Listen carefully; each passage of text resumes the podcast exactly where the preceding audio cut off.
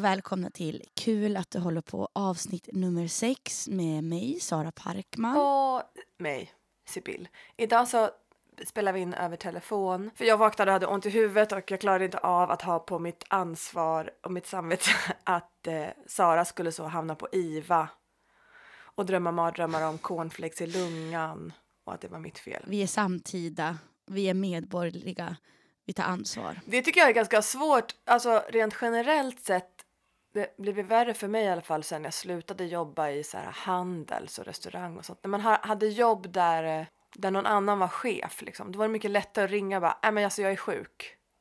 Ja. Men nu så har jag liksom stängt av den funktionen i mig som, som, som helhet.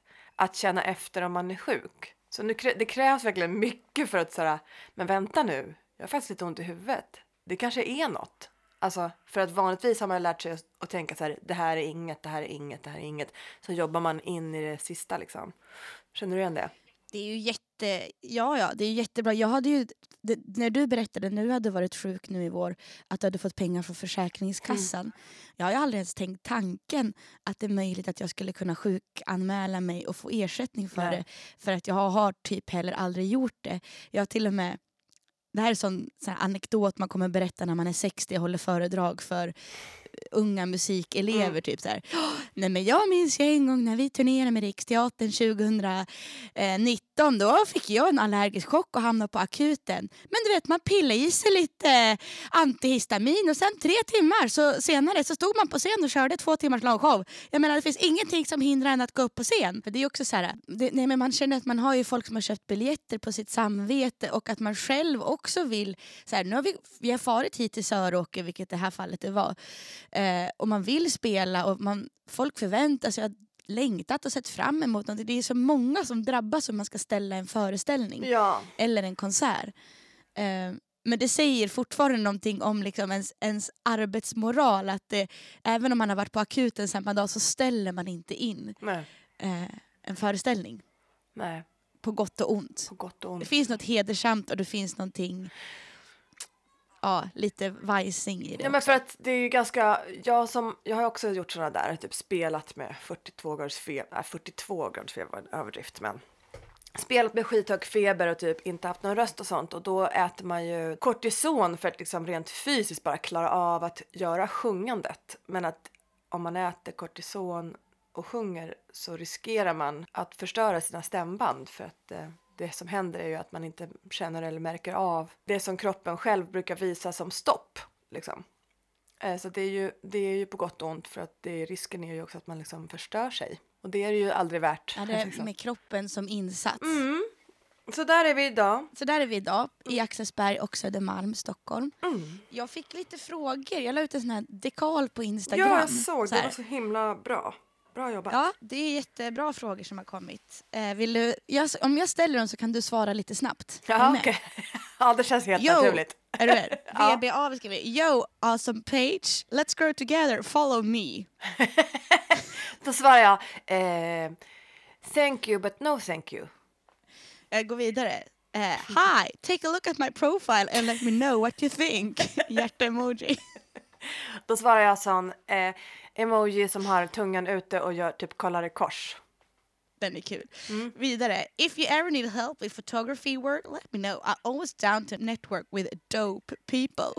Då kan du svara så här, yes, me Sarah, I'm really positive and open for these things but I'm working with a, a psychopath who doesn't like to be photographed so uh, maybe another time. Okej, här kommer faktiskt då lite seriösa frågor. Mm.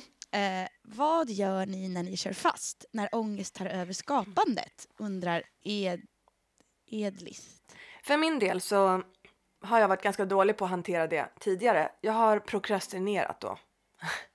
Men eh, jag har lärt mig nu efter lång tid liksom, att det är bara att acceptera läget och inte haka upp sig i det utan vara så här okej nu är det så här ett litet tag då lägger jag ner och så skiter jag i att göra grejer ett litet tag och sen kommer det komma av sig själv tillbaka. Men då gäller det att inte typ fastna i att så här shit jag får inget gjort jag har bara ångest nu jävlar typ. Det skiter sig. Jag tror bara att man får acceptera vara i känslan som typ alla psykologer skulle ha sagt.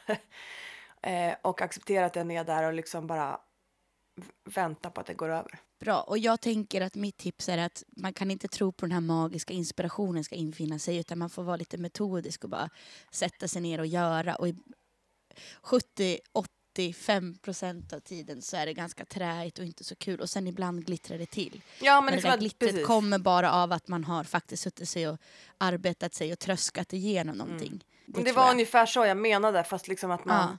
Jag menar inte att man ska lägga ner, man kanske inte bara behöver lägga ner, ibland kan det ju vara skönt att bara, okej men nu måste jag släppa det här och bara gå ut och göra någonting annat.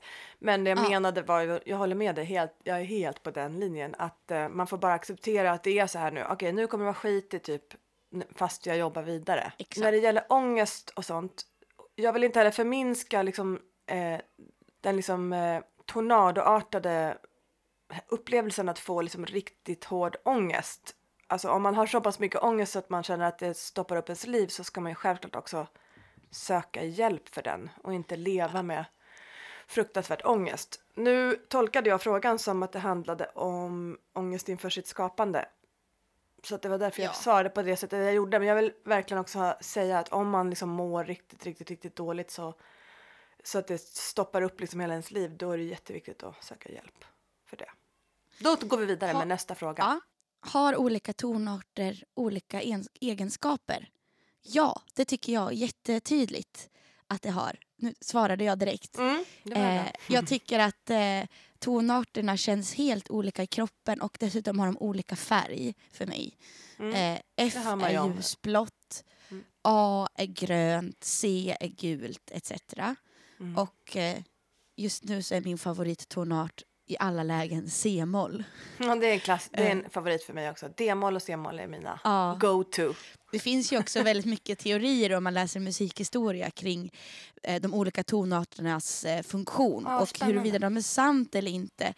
Det var redan i de gamla de grekiska dramerna så, så hade man liksom matematiska teorier om vad de här olika intervallen och tonerna gjorde med oss. De skapade en kärlekslusta eller krigisk lust eller olika. Mhm. Gud vad intressant, det skulle jag vilja det läsa är om. jättespännande. Ja, jag skulle kunna läsa på någon gång. Ja, Jo, jag kan göra det till vidare för att eh, det är intressant. Så här, är det genetiskt eller det kulturellt betingat? Och det, en, den snabba svaret på det där handlar ju om i vår kultur så har vi ju dur och moll. mm. Eh, och där dur är kopplat till någonting glatt, moll är kopplat till någonting sorgset.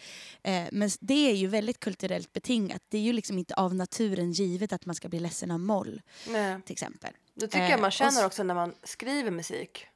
Och när man lyssnar på musik som, som går emot de reglerna inom citationstecken. Alltså Hur, känns, hur tänker du hur det känns, om det känns om man känner sig ledsen eller glad när man hör ett dur eller ett moll. Alltså jag har aldrig kunnat typ hålla reda på det där för jag typ tycker inte det känns rätt.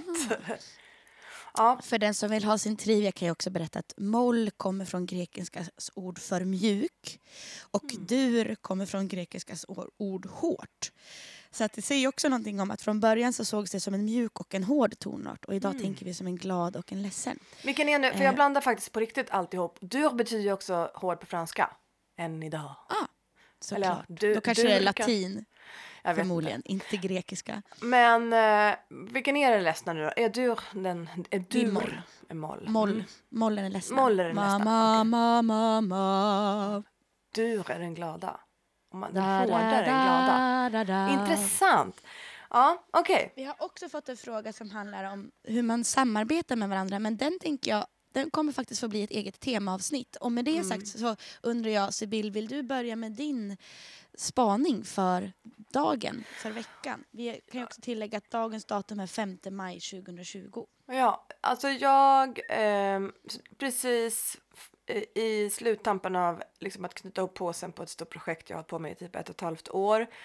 Jag är i upplösningstillstånd. Alltså jag kan inte tänka på någonting annat än precis mitt projekt. Men igår kväll så satt jag eh, alldeles för mycket på sociala medier och då dök det upp eh, någonting liksom IRL eller vad ska man säga. Nej men det som hände var att jag såg att folk började skriva om den här rapartisten Einar. Känner du till? Ja, jag har också sett vad som har hänt. Ja. Och Mm. det som har hänt då för, att, för er som inte har sett det, för det har inte stått så jättemycket om det i typ SVT och sånt, utan det skrivs mest på typ högerextrema sidor som så här Samnytt och sånt. Eh, och sen på Twitter och lite och Flashback typ. Ehm, Och då är det då att han för typ tre veckor sedan blev kidnappad och liksom grovt förnedrad och det dokumenterades och igår runt typ 7-8 tiden så började de där bilderna typ pumpas ut på Twitter. Mm. Och det florerade också rykten om en video där han då skulle ha blivit eh, våldtagen heter det väl, blir det väl, ja. våldförd på. Och jag vet inte, jag liksom söks in i den jag tittade inte på bild, alltså jag såg dem svarsa förbi och typ anmälde dem. Men så läste jag lite mer om det, jag var inne lite på hemsk, jag var inne lite på Flashback och läste lite om det och då har det också då tydligen hänt en liknande grej med en annan rappare som heter Jaffar Byn eller Jaffar Byn 2017. Mm. Och han var också med om någon liknande grej och det var bilder och det var videos och det var grovt alltihop. Och när det sprids på sociala medier som är en sån himla tydlig kanal för där vi blir till och existerar så är det ju också svingrovt att sprida såna bilder när någon är utsatt. Ja, exakt. Det är så många olika övergrepp på samma gång. Men sen så finns det ju också ett element eller liksom det är helt uppenbara då att så här, den här Eina-grejen den når liksom till och med mig som är så här vit kulturtant Medan den grejen 2017 liksom nådde inte mig. Einar mm. är vit och han Jaffar byn är svart. Alltså, mm. Jag tänker att det finns så många sådana där... Jag fattar att jag är ute och kanske så här, eh, trippar på så här hal is för jag har ingen liksom, insikt i de här grejerna direkt. Det är inte min genre, det är inte min scen och så här, Jag var bara väldigt liksom, illa berörd av hela eh, att det verkar liksom... Ja, jag vet inte hur man ska prata om det här för jag vill inte heller... Jag vill liksom att det ska bli bra och prata om det. Vad är det som, eh, vad är det som berör dig? Vad är det som gör Nej, men det berör mig att jag till exempel är en artist och typ eh, det är eh, blottande Alltså man känner sig lite blottad när man är det för att eh, alltså det har ju även hänt mig att jag fått oönskade samtal, oönskade besök och oönskade Alltså det är ju, det är, och för min, jag blir extremt eh, illa berörd när det händer mig sådana saker. Så det du känner ett, en typ av släktskap gentemot honom att bli utsatt Alltså båda de här barnen, för de är ju barn också. Alltså, ja, det är de Jaffarbyn är väl inte riktigt barn längre. Jag läste att han var 96, men... så han är 26. Det, men liksom ändå ganska, nu är han 26 då, 2020. Men så att han var mm. yngre då. Men alltså båda dem självklart. Men också, jag blir illa berörd att det händer dem. Eh, jag blir ja. illa berörd att eh, det blir mycket större halabaloo när det händer Einar. Och jag kan bara tolka, jag tolkar bara det att det blir så för att han är vit. Men är inte det Eller för att han är att större, han... men det är också för att han är vit. För jag tänker också, han var ju också i den här grejen som många av er säkert har hört om den, när han var i Malou. När han, eh, det var en annan rappare som heter Greekazo som blev så himla... Det kunde inte jag ens lyssna på för jag blev så jävla illa berörd. Alltså, oh när Einar fick sitta i Malou med sin mamma och prata typ om sina framgångar och eh, Gricasso blev så här ställd mot väggen av typ arga snickaren och skulle så här mm. och det blev jag illa berörd av självklart av den helt vanliga bara att det är helt fruktansvärt att de behandlas så olika men också typ alltså de gör ju jag ser ju mitt yrke som en konstform. Jag vill inte att någon ska in. Jag själv har sjungit om att typ ta droger i mina låtar. Jag har ingen som någonsin har pratat om det med mig. Alltså... Mm. Så man blir illa berörd för att men... man inte vill att någon annan ska in och peta i ens konst och säga skulle du inte kunna sjunga, det var ju något klipp där från Greekazo-grejen, det var så skulle du inte kunna rappa bara om positiva saker? Alltså det blev så jävla illa berörd av så att jag liksom spyr. Och så jag tror att det är många aspekter som gör så att man blir liksom eh, delvis att det, jag, som typ förälder så blir jag illa berörd för att eh, det är barn Mm. Som artist och konstnär så blir jag illa berörd för att eh, de är artister och konstnärer, alla de här. Eh, man behöver inte gilla deras, vad de säger eller deras uttryck, men det är ju det de gör. Men det är ju också extremt eh, grovt. kan man ju säga. Alltså det är så, ja, alltså det, själv, men det är självklart, det, exakt. Också att det är så jävla grovt, det som de har utsatts och för. Det är verkligen så förnedrande, för jag såg också bilderna och ja, det är verkligen en utsatt position. Men det jag tänkte säga, att det, alltså. att det blir större och för att han är vit är väl också för att det är typ högerextrema sajter som har lyft fram det så här, ja. som ja, du försöker spela som en tuff eh, invandrarsnubbe. Nu får du vad du förtjänar typ. Exakt, så här, ja. det är det här, nu får du smaka på din egna soppa. Alltså att det blir lite så här, haha löjeväckande. Så de sprider ju också de här bilderna vidare. Så det så blir som en, så här, en ond cirkel av så här, vidriga snorungar som utsätter honom för det här. Och sen är det också högerextrema sajter där jag förmodar också att det är typ äldre personer som sprider vidare så de liksom göder varandras Ja, för, och de rasade ju naturligtvis inte när han, den här Jaffar-byn utsattes. Alltså jag har ju inte Nej. sett... Eh, det kanske är fler som har utsatts. Alltså som sagt, jag, jag pratar ju utifrån någon slags okej boomer-perspektiv. Eh, så att jag, jag, det här kanske liksom är ett vitt utbrett... Eh, lyssnarna får liksom berätta för oss. Men jag skulle vilja ge ett eh, jättefint lyssningstips från Sveriges Radio. Det, förra sommaren så gjordes det en, en fyra delar lång dokumentär på P1 Dokumentär som heter Tensta Calling. Mm. Eh, så man får följa Faria från Tensta. Som, hon får en idé att hon vill få kriminella killar att prata om känslor och osäkerhet för hon har tröttnat på våldet och att unga män skadar och skjuter ihjäl varandra. Det här är alltså ingressen från Sveriges Radios hemsida. Men den är en jättefin dokumentär som också handlar ganska mycket om de här olika hiphop-killarna. Jaffarby nämns i den dokumentären för det är typ hennes brorsas kompis.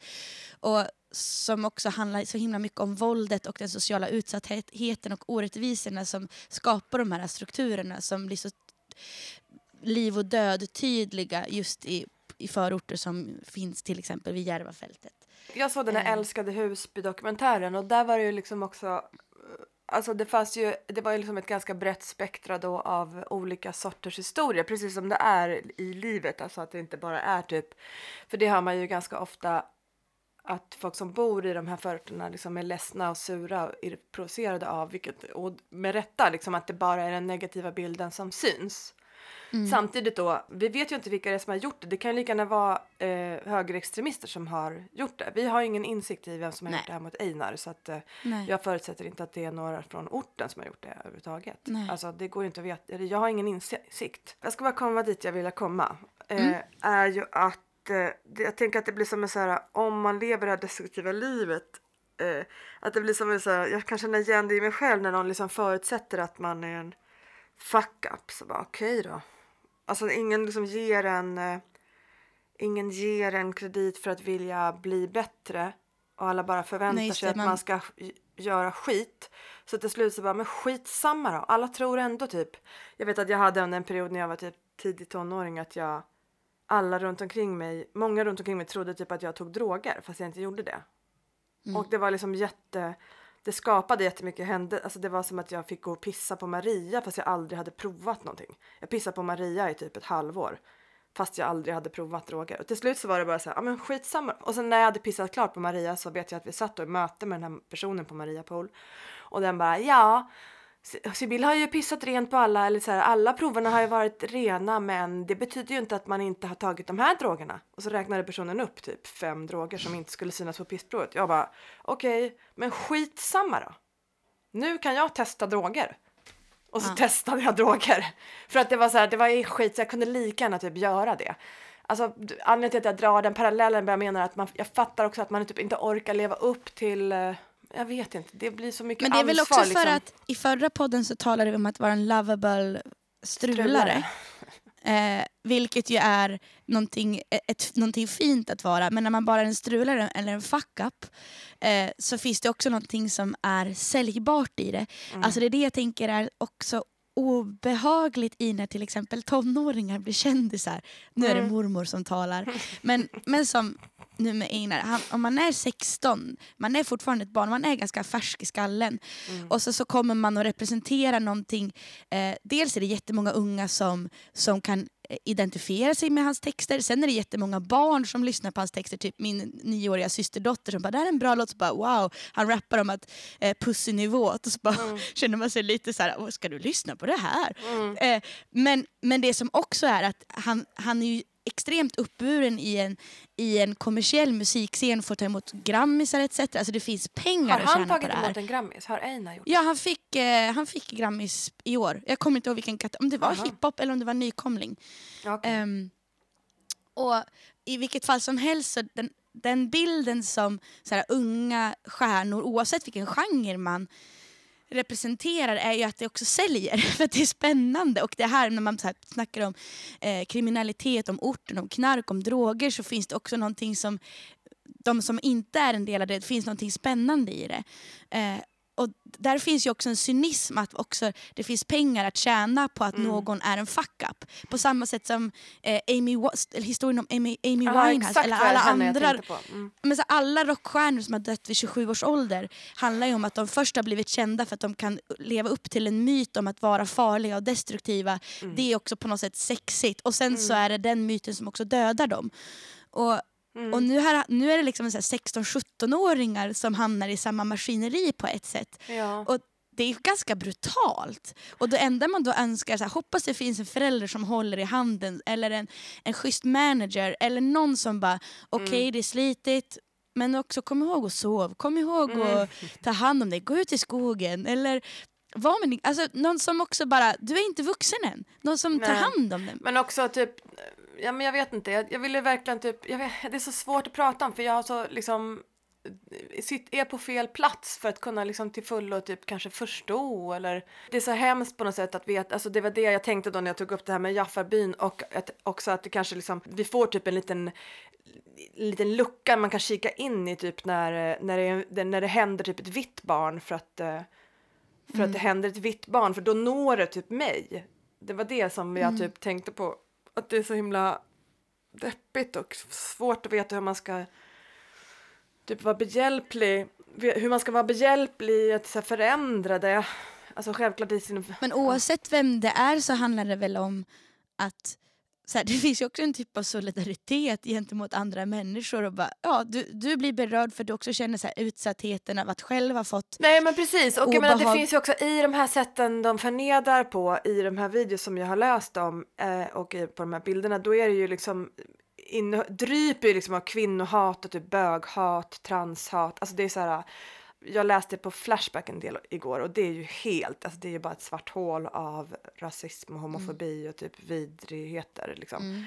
Eh, men då är det så att man liksom förnedrar genom att, vad gör man då? Jo, då klär man i kvinnokläder och så penetrerar man röven. Varsågod Och så pissar man i munnen. Alltså du vet, det är ju liksom... Eh, Det är fruktansvärt. Alltså, och det är så grovt, Det är så, det är så grovt och det är verkligen så här.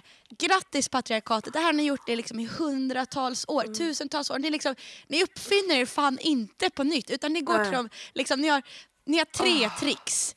Era Ja. patriarkatas jävla vapenförråd. Det är antingen döda, förnedra eller våldta. Och så Ja. gör ni det gång på gång och förminskar då genom att klä ut någon till kvinna. Ni är så jävla ointressanta, Ja. okreativa i ert sätt att förminska Ja. andra människor. Ja. Fy satan. Och det är också så här helt blint från klass och ras. Ja, det är vidrigt. Usch, jag blir jätteledsen. Ja, men, ja, Ja. Jag hade liksom inget mer att... jag hoppas att det här liksom har blivit ett, ett konstruktivt samtal på något sätt. Jag tycker det här var ett jättebra ämne du tog upp Sibyl.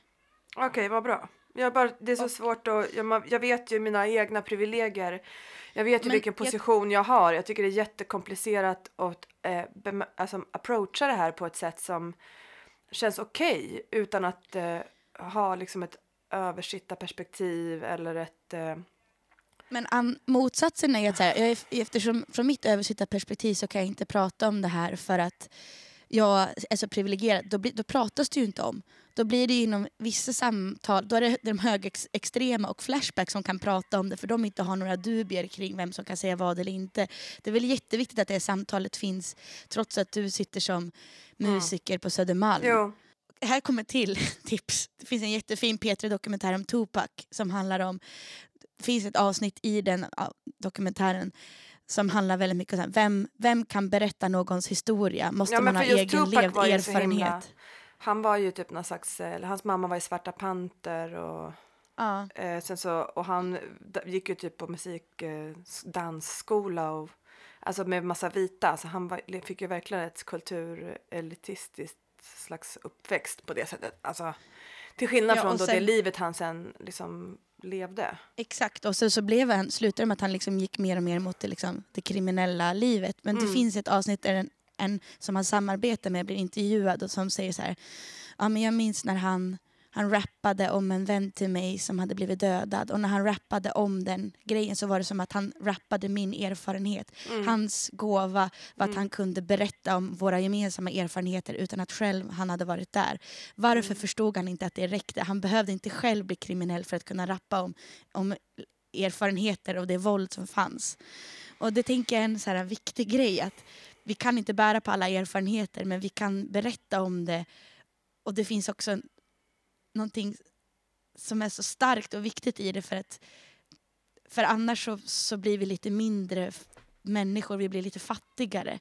Och jag önskar Ja, att fast du det finns ju också ska... liksom ett element att det, som man ändå liksom hela tiden eftersträvar, en slags genuinitet. Och det är klart, självklart att det finns en så genuinitet i, i en berättelse oavsett om man har levt den eller inte. Det här är ju en jättestor kulturfilosofisk fråga som pratas om jätte- jättemycket tänker jag.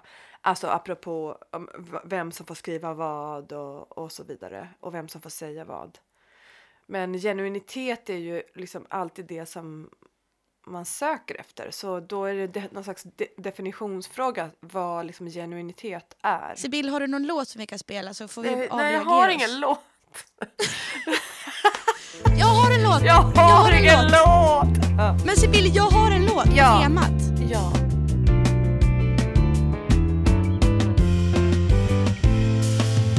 Jag är din arbetsgivare fast du låtsas som tvärtom och jag vill inte komma med dig in på ditt hotellrum. Du säger att din fru tycker att det är okej. Jag kan inte tänka mig det. Varför fan säger du det mitt i november när inget var kul? Jag hade gått genom snön public service-hus. Där i aulan blev jag presenterad för dig. Du hade genrepat just före mig. Och du sa jag kunde värma min hand i dina byxor. Var det rätt sätt att hälsa på mig? Vi skulle jobba, var kollegor på gala. Resten av kvällen fick jag undvika din blick. Vi repa ett par gånger, klassiskt möte i musik men plötsligt sa du jag borde klä upp mig till nästa gång vi ses. Vad är det här? Menar du allvar? Allt får man höra innan kistan men också mellansnacka hon kommer inte få det. Publiken var obekväm och du skrattade på det. Ridån gick ner och jag fick åka hem. Magkänslan försökte säga nej för länge sen Pianogrejerna kommer aldrig bli kända Du är dålig på texter, vem kan spela i sånt här trams? Vad mycket skit det kommer ut ur folks munnar Allt får man höra innan kistan kallar Vi stod och fyllde diskmaskinen och från ingenstans ville du säga någon grej du tänkt på i flera dagar visst du kommer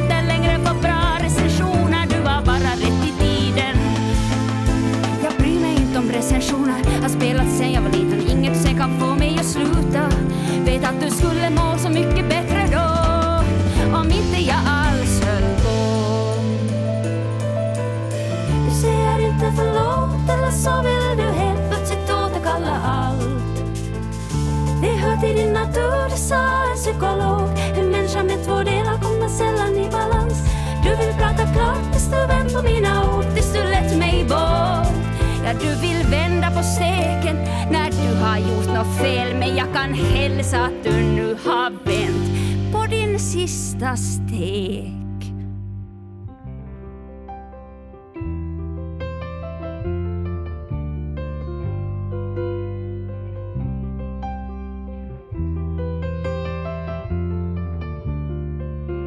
Ska ta en livstidssemester från dig jag vet att du vill skapa kaos, det berör inte längre mig. Alla fattar till slut vilket ångesttåg ni är. Jag checkar ut, livet väntar på mig och jag är kär. Ni står på min inre svarta lista.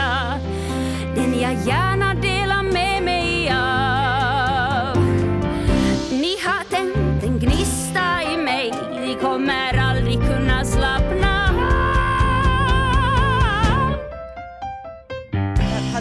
inte tänkt att det skulle komma här men det, den handlar ju om alla män som har varit dåliga. Eh, så det tycker jag blir bra. Min inre svarta lista heter den här låten. Och är från Iris Viljanens kommande skiva. Ja, du, den, vi har inte, den finns inte ute alltså. Nej! Det där med steken. Alltså jag kan också känna typ i många musikaliska sammanhang att man liksom själv har varit steken på ett så jobbigt sätt. Att man liksom har varit under så konstant eh, liksom i band med typ killar. Att det har varit så här. Ja, det har varit avundsjuka flickvänner och det har varit eh, lyssna blickar kanske på fyllan, konstiga kommentarer. Alltså det är kanske inte från band, men jag menar bara så här att vara steken. Ja, det var bara en tanke som slog mig. Jag är i alla fall väldigt glad att det skrivs såna här texter som får bli till poplåtar. Ja, det är väldigt roligt. Jag skrattar högt flera gånger. Alltså inte för att det var typ komiskt men det är ju komiskt att det är så här. Ja. Det Men det var ju inget går från kom- gråt till skratt. Ja, men det var det jag också kände att jag direkt var tvungen att säga. Det är självklart, det finns ju inget komiskt med det som hände liksom Einar och Jaffar och byn och dem. Men jag tycker eh, vi går vidare. vi går vidare. Jag har läst en bok Mm. som heter eh, Varifrån kommer musiken? Av eh, Gunnar Valkare. Den var tre av fem säljflöjter, vill jag Mm. ge den i betyg.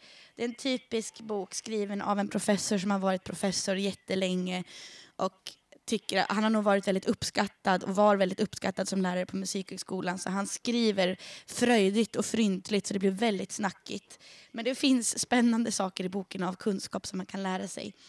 Och eh, boken den går liksom igenom musikens eh, olika tidsåldrar. Det är verkligen så en, en genomgripande, så här, var, hur fan kommer det sig att vi håller på med musik? Är det genetiskt eller är det någonting människan har kommit på? Och det kan vara så att jag kommer återkomma till den här boken med olika avsnitt senare i podden. Men, eh, För den har så mycket spännande i sig. Men generellt så går i alla fall boken igenom musikens olika tidsåldrar, vilket är fyra stycken. Och den första åldern, det är det skriftlösa tillståndet. Alltså när musiken och dansen var ett sätt att kommunicera med varandra men också ett sätt att tradera vidare historier, levnadsförhållanden, em, ritualer. Alltså innan vi kunde skriva ner saker så förmedlades kunskap genom dans och musik. Och det här kan man se redan i de här jättegamla hällristningar och eh, grottmålningar så ser man att människor dansar och sjunger med varandra. Så det är väldigt ga- skitgammalt. Mm. Skitgammalt. Skitgammalt. Människan har sjungit och dansat för att också kunna skapa helighet och transcenderande situationer.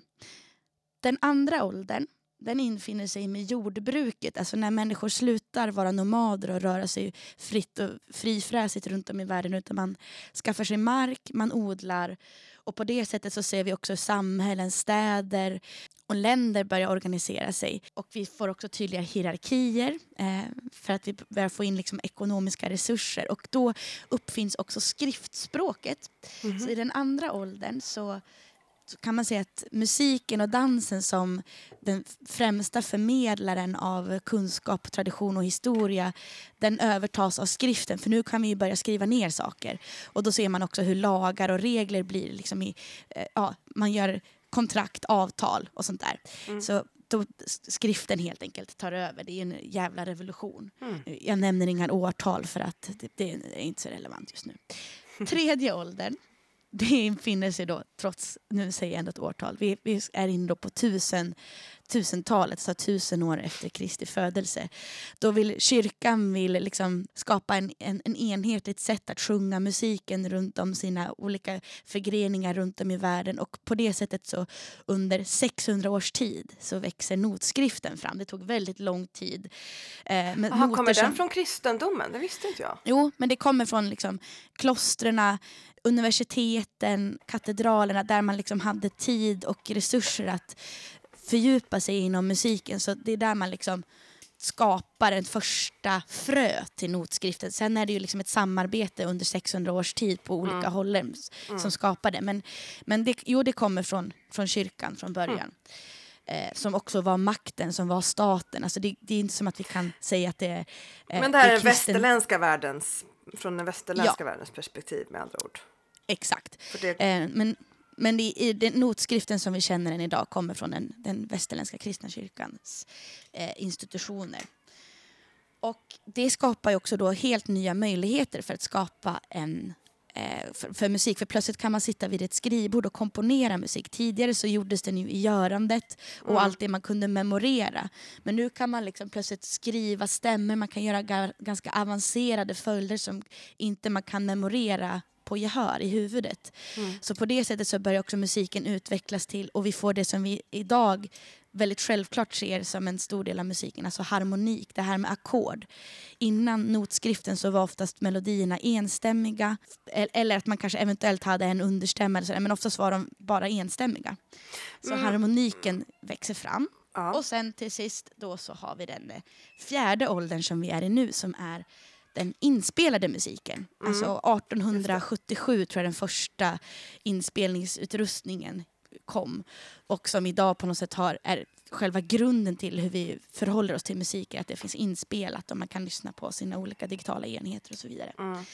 Så det var en kort genomgång av de fyra åldrarna. Men det här är väl utifrån ett slags västerländskt perspektiv också eh, när det gäller typ eh, hur musik är uppbyggd och sånt. Alltså jag vet ju att det finns andra eh, perspektiv som inte är västerländska där det finns en helt annan uppbyggnad av eh, toner och harmonier. Men jag är inte exakt säker på hur. Du kanske vet vad jag menar? Ja, och det är ett helt eget avsnitt så jag kommer inte svara riktigt på det nu för det är så otroligt intressant och kräver sin tid. Men, men notskriften som vi känner den, den är en tydligt västerländsk Okej. eh, uppfinning. Men sen hur vi uppfattar musik och det här med skalor, det är liksom djupt kopplat till kultur Ja, och det det, var det jag finns tänkte på. så otroligt mycket fantastiskt Mm. att gå in i det. Så det, ska, Mm. det får vi ägna ett helt avsnitt till för att ge det rättvisa. Kul. Men jag tänker att jag går vidare och ska faktiskt läsa ett avsnitt ur den här Ja. boken.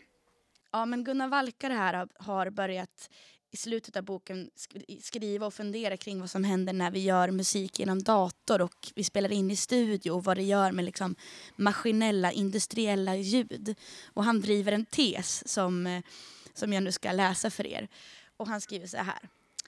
Den obenhörliga rytmiska exaktheten, den artificiella glansen, resultatet av autotuning, koruseffekt, kontrollerad distor distortion. Och för varje år så tillkommer nya förföriska fräscha effekter i studion som eh, kompressionsbetingad intensitetshöjning och syntetisk ambiens, det vill säga rums och ekokaraktär. Det har ett högre estetiskt värde än det mindre glänsande och fattigare resultat som levande människor under den reella tidens och det faktiska rummets betingelser kan åstadkomma. Deras tid tycks vara förbi. Alltså förklaring. Han menar då Mm. att den akustiska musiken när vi spelar instrument, den tiden tycks inte längre vara lika sexig. Han fortsätter. Bakom denna utveckling ligger flera faktorer. Att mänskliga insatser är dyrare än syntetiska kopior är självklart. Ekonomi är alltid viktigt. En annan faktor är att vi oundvikligen och beredvilligt låter oss imponeras av ljudteknikens effektivitet, dess glans och kraft och aura och modernitet. Och att syntetiserad musikstruktur uppfattas som effektivare och mer samtida än mänskligt producerad. Grundläggande är förstås den begreppslighet som introducerades i den andra åldern. Och den andra åldern det var ju då jordbrukstiden när vi Ja, fick skriften. Mm, tack för att du påminde. Jag visste inte helt lätt att hålla koll på. Nej. Och som förstärktes sen i den tredje åldern med notskriften och bekräftades i den fjärde som vi är nu.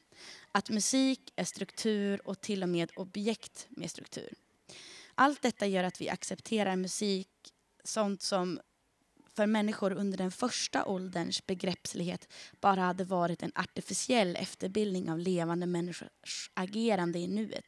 Helt enkelt inte the real stuff. Och ni som tappade bort er här, börja lyssna igen.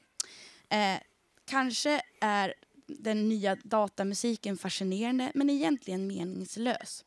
Ungefär som datoranimerad pornografi eller samlag med en skyltdocka. Den Va? varken svarar eller leker, luktar eller smeker. Man slipper svett, behåring och lubricerande körtlar. Men, Men, inte gud som musik eller erotik i egentlig mening. Med vår tids begreppslighet är sådan musik underbar. För många i vår tid är säkert också silikon och Viagrastinn, industriell pornografi, underbar erotik. Som sagt, vår hjärna är lättlurad.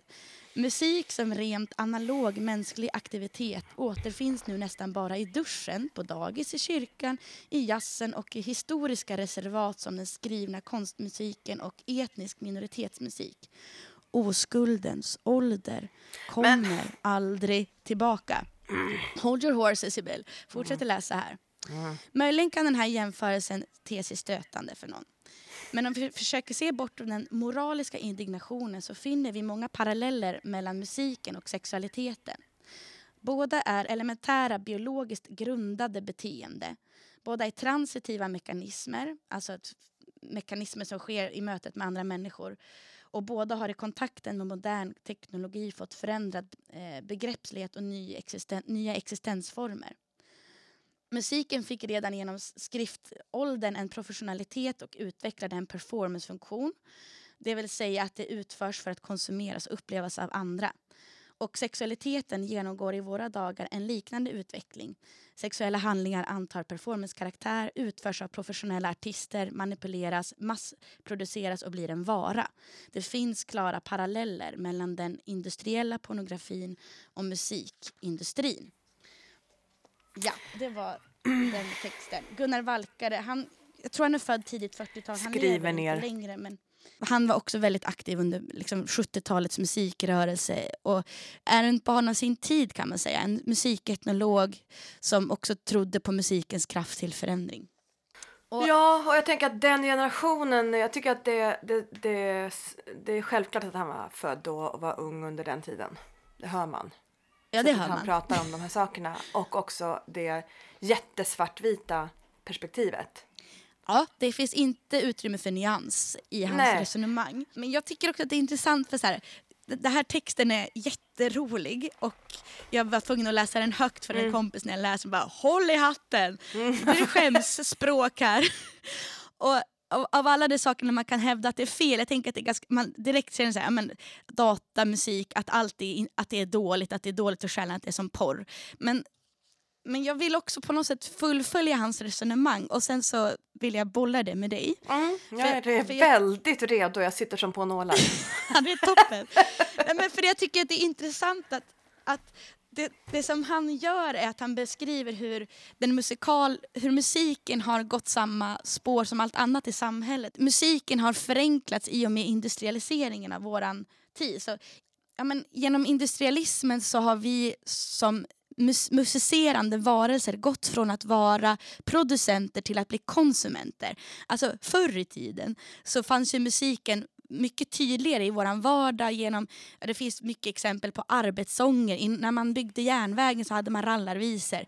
När man var sjöman så hade man sjömansvisor för att också underlätta arbetet. Det sjöngs Och så kulningen, fast den hade väl en annan funktion, det där kan ju du Ja men om. precis, i, i, liksom i fäbodens musik. I, egentligen i alla skråer så fanns det visor. Man sjöng i hemmen mycket mer, man sjöng i skolorna mycket mer. Alltså det sjöngs mycket mer och det eh, musicerades också i, så här, i gamla bruksorter så fanns det orkestrar. Alltså, alla var mycket mer utövare av musik än vad vi är idag.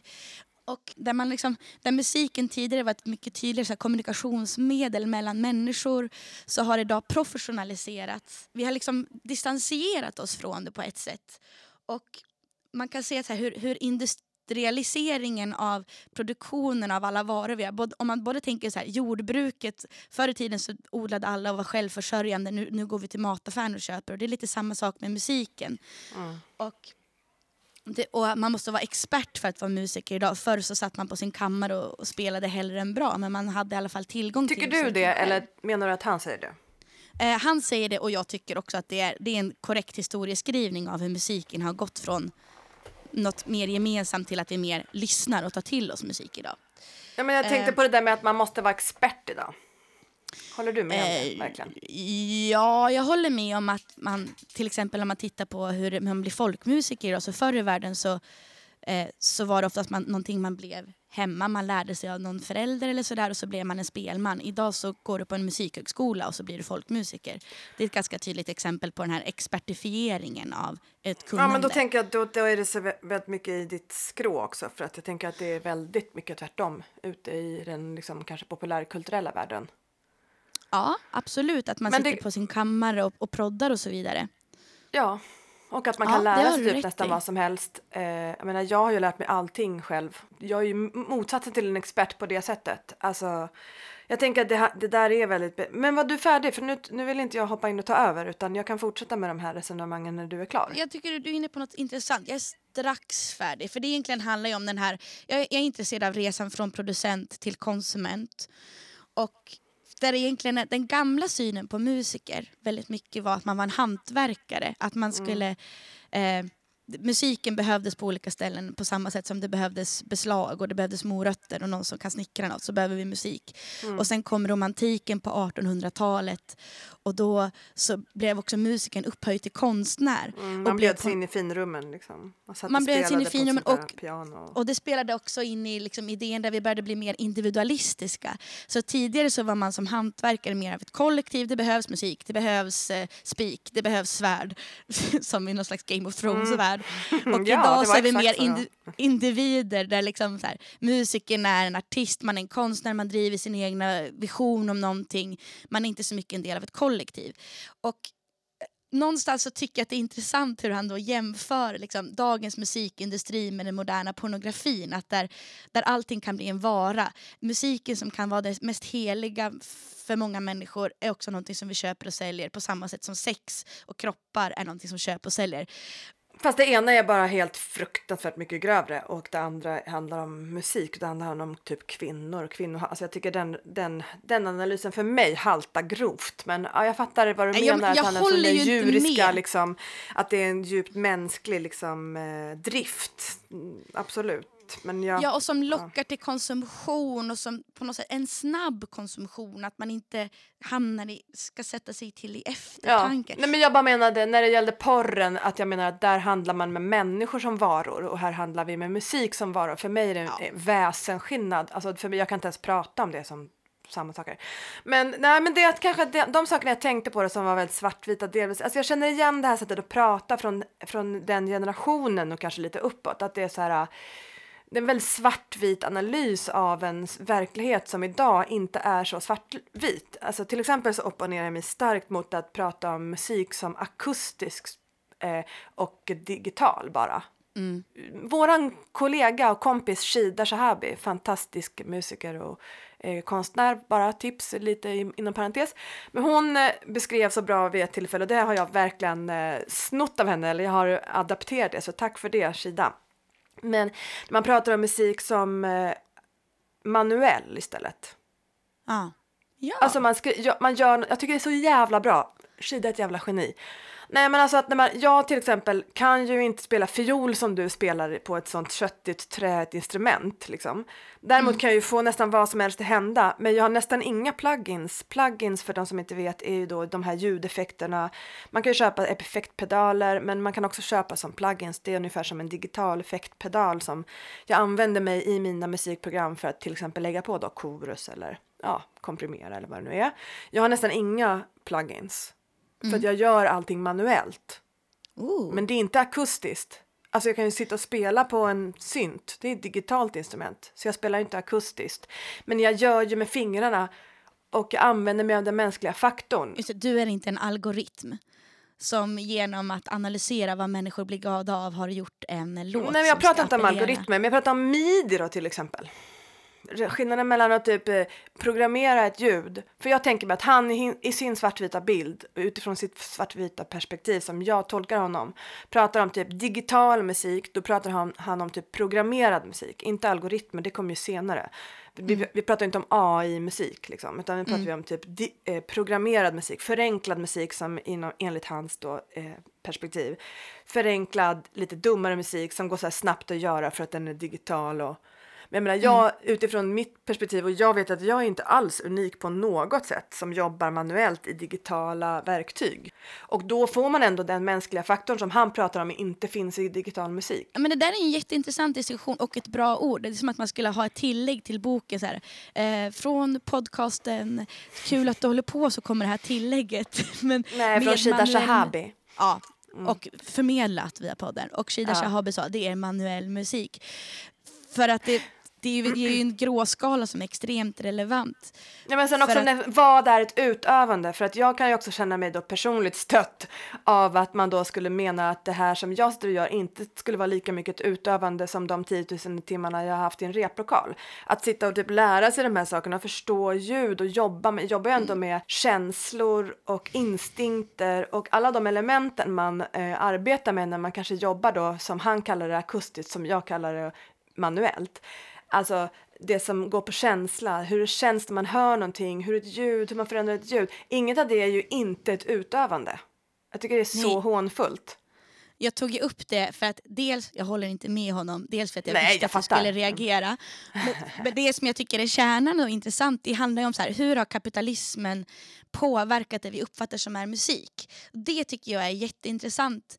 Men håller jag med Större men jag, jag diskussion som, som på något sätt handlar om ja, men vad händer när, när saker som vi behöver för att leva blir till en vara. Då pratar han mer om branschen, för om vi nu ska prata om själva utövarna, för det ska vi också prata om, vad menar han med ett utövande? Han säger att utövandet inte finns kvar. Alltså vilket utövande och vad är ett utövande? Därför att så här, eh, det som du pratar om nu, som han pratar om, är ju ett perspektiv utifrån det kapitalistiska perspektivet, alltså branschen, de som är konsumenter, eh, de som startade Spotify, typ de som sitter och gör strategier. Men vi, vi kallar oss för konstnärerna.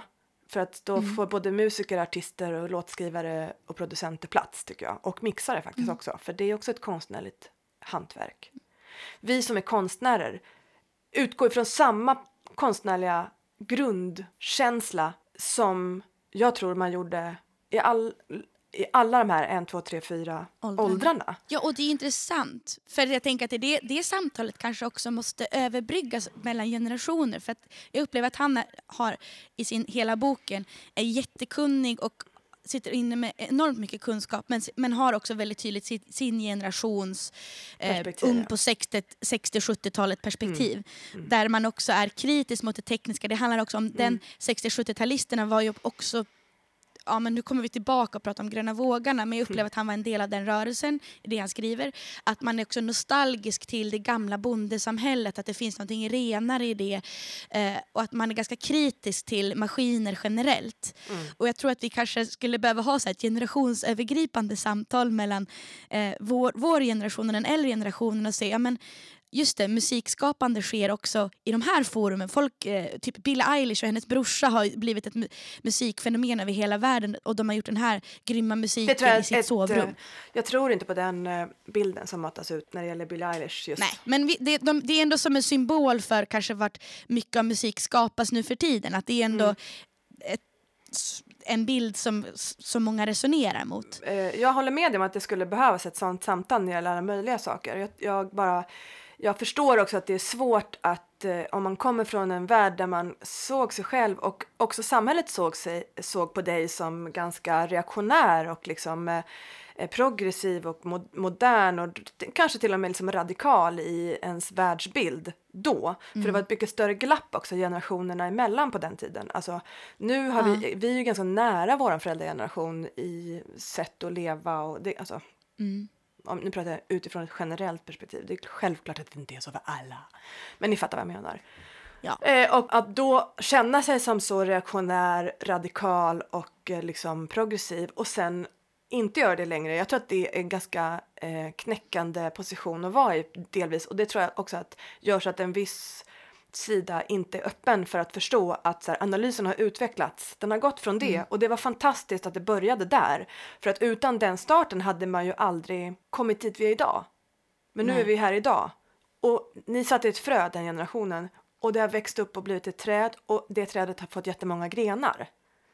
Och där tycker jag att det är ganska svårt att möta den generationen ibland i samtal. För att det går inte att prata om det utifrån ett perspektiv som är bredare än att eh, Gunnar blir kränkt. Men det är roligt också med det här manuella perspektivet du talar om, som är ditt skapande. För jag jobbar ju väldigt eh, manuellt med fysiska instrument. Jag, Mm. jag kan grunderna i att sitta med dator men jag, jag får ingen lust till skapande genom det. Jag är väldigt... Ja, men jag förstår det, och jag vill bara säga att jag var exakt du för typ eh, sex år sedan. Alltså jag sa exakt det du säger nu. Jag är helt ointresserad av dator. Jag, inte, jag vill bara sitta. Det är inte exakt det du säger. Men alltså, det, jag, det, exakt det du säger har jag sagt. Och sen så var det någon dag när jag liksom var så här, men gud, jag har ju en idé om ett ljud som jag vill få fram. Och jag sitter i rum med människor som inte kan tolka fram det ljudet åt mig. Så det enda sättet för mig att komma fram till den punkten jag vill är att lära mig mer. Och det, det handlar inte om att jag ville egentligen, nu som jag har sagt flera avsnitt, är ju att jag sitter hemma helt ensam i ett rum och bara gör en hel skiva helt ensam. Och det var inte liksom mitt självändamål att jag skulle vara ensam, utan det var att jag ville lära mig så att jag också skulle kunna uttrycka mig tillräckligt bra för att bli förstådd också i de här sammanhangen. Eh, nu bara blev det så att jag bara råkade bli helt själv. Men eh, jag tänker också att det, precis som vi pratat, har pratat om, att det är en pågående process där man börjar på ett ställe och sen går man vidare. Till slut så tar man sig i någon ny riktning. Din riktning kanske blir något helt annat. Så att jag applicerar inte det på dig bara, men jag bara vill lyfta eh, Nej, jag är på öppen locket. för Liksom. Men jag tror att varför jag, jag vet också väldigt mycket varför jag är i musik är att det är så, för mig är så fysiskt. Alltså att, att spela fiol till exempel är ju att eh, genom att dra stråken på strängen, eh, stråken som kommer från hästsvansen på strängen som från Mm. början kommer från en gristarm som går genom granträet som skapar vibrationer som går in i min kropp. Det är en väldigt fysisk upplevelse på samma sätt som det är att sjunga. Men menar du att du tror att det inte går att få den upplevelsen när man sitter eh, vid datorn? Beg to differ faktiskt. Nej, jag menar att... Alltså, ja, för mig är det så. Jag menar Mm. inte att det är så generellt, men för Mm. mig är det en jättestor skillnad. Mm. Och, och likaså med sång. Och sen framförallt för mig så sker det i mötet med andra. Mhm, Att jag mm. spelar med någon annan, jag sitter med någon annan och Mm. musicerar och då händer det som gör att det flyger för mig. Gud vad jag saknar det. Och det är liksom det är Mm. kärnan i varför jag vill hålla på med musik och det andra är sekundärt.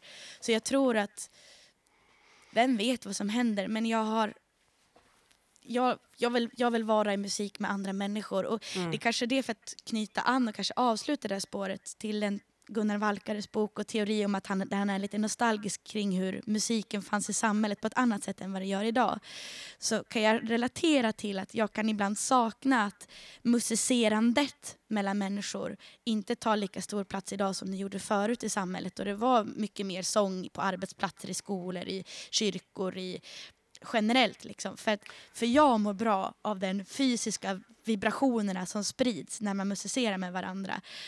Eh, som jag upplever finns mindre av än vad det gjorde förut. Alltså jag håller med dig så mycket. Alltså jag också som kommer från så replokals... Eh, men det, då knyter vi an också till den här grejen med kulturpolitik. Alltså det finns inga replokaler. Eh, Menar jag vet inte om det... Eller det finns säkert band där ute som så repar i en replokal. Man hör ju om det ibland men det känns ju mer som en... Det är färre, det är Det färre känns som det, men det kanske inte är det. Det idag. kanske bara att man har liksom, jag har förflyttat mig från en plats till en annan Ja, men och jag inte tror ser att det det gör det. Jag, jag, jag har fått lite rapporter från folk som jobbar inom så här, ungdomsgårdar, bibliotek, Mm. att det, det är färre tryck på replokaler Mm. för, bland ungdomar nu än vad det varit förut. Ska vi göra en sån Eh. där Tom Hanks-grej när vi klär ut oss i så bakåtvända kepsar och försöker starta ett band på en ungdomsgård? Man Ja. testar lite så lingo. Ja, men jag vill också typ flagga för det här musicerandet som görs inte för att skapa en produkt. Eller där man musicerar för ett sätt att umgås med varandra. Då är ju till exempel körsång ju sån jättesvennigt men också välbeprövat sätt att eh, vara i musik utan att det ska för den delen bli leverans eller en Mm. vara. Mm. Eh, men jag, jag tror att vi behöver det. Jag håller med om det väldigt mycket, faktiskt. Men annars Gunnar, får du ta och sätta dig i båten ser dig omkring, öppna ögonen, vakna Gunnar! Nej jag skojar. Jag, kommer, jag tänker i, ja, den gången när vi ska prata då mer om musiken, kon, här, musikens framväxt i västerländsk kultur kontra andra kulturer Mm. så kommer jag faktiskt använda mig av honom för han är en ivrare av det icke-västerländska perspektivet. Ja, det är såklart han är. Det är självklart är han det. Ja, det fattar man ju. Och han skriver djupt passionerat om hur olika skalor har tillkommit i amadinka-kulturen i, Ja, vad roligt. och i, på Nya Zeeland och så vidare. Och Gunnar, jag, är- ja, där har du en liten öppning hos mig. Men jag tror Ja. också att det, för mig med den här generationen, och det, alltså jag tror att det var ett så här, jag, jag tycker att det är rent musikal, jag har ju berättat tidigare ett avsnitt en gång när jag träffade en så här musiker från den generationen, som jag, ett, från ett band som jag hade så här lyssnat jättemycket, som visade intresse för mig, som jag trodde var rent för att vi typ var musiker. Och sen började personen så här smsa mig på natten. Och det, för mig var det som ett så här slag under bältet, för det här var liksom en proggperson. Alltså jag trodde aldrig liksom, för mig kändes det helt, så där gör ju typ eh, gubbar med monock monokel som slurpar ostron. Eller förstår du, det var inte för, alltså det var jättefördomsfullt. Jätte, jag var väl 22 eller något sånt där, 23 kanske. Jag tror att då var det som att jag tänkte så att den där generationen som typ känner sig så jävla duktig var inte felfri. Och den var bra, men den var liksom inte felfri.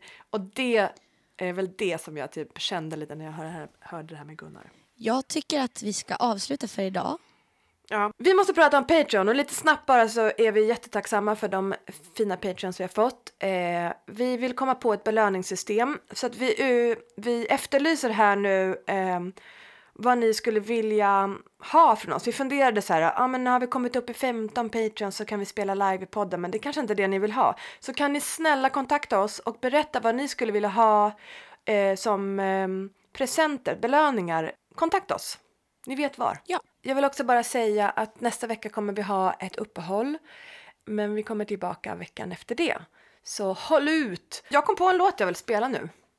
Ja, då avslutar vi med den tycker jag. Ja, okej. Vad är det för låt? Nu, nu hittade jag vad artisten och låten hette. Och det är Aster Aweke, en etiopisk sångerska, artist. Och eh, låt, eh, låttiteln kan jag inte uttala rätt tror jag. Det är väl Amarinja som är det officiella språket. Så att, eh, jag skriver ut låttiteln i eh, avsnittsbeskrivningen. Så kan eh, någon höra av sig med rätt uttal kanske. Så att eh, vi hörs om två veckor.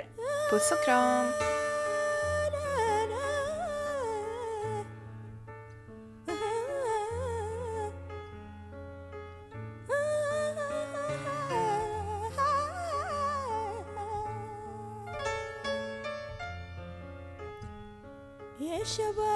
ቁበለ ቁበለ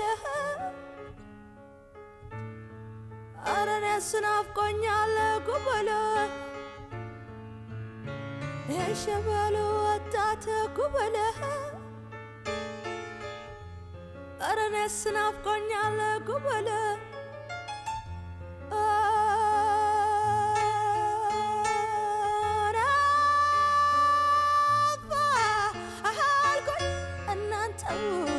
ሰው ይገኛል።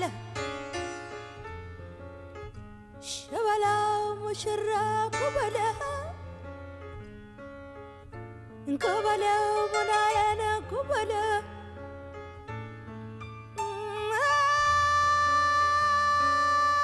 ግን መጋ አብሮ አደግ እንደነ ከቃናዬ ቃናዬ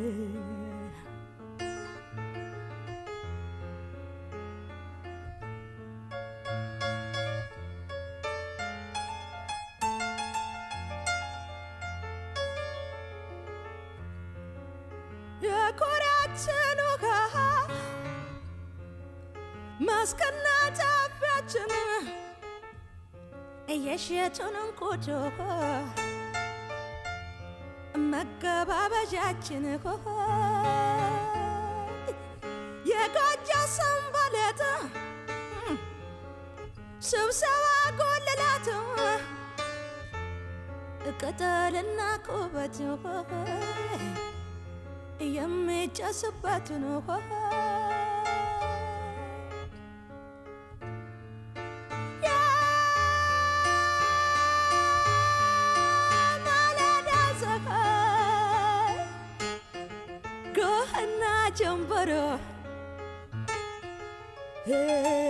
መገናኛችን ተድላችን ነበረ።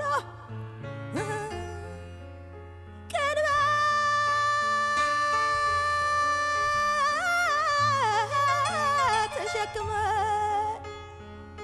ስንሄድ ገበያ እምቧይ ተወራውረን ሲሻን መተያያ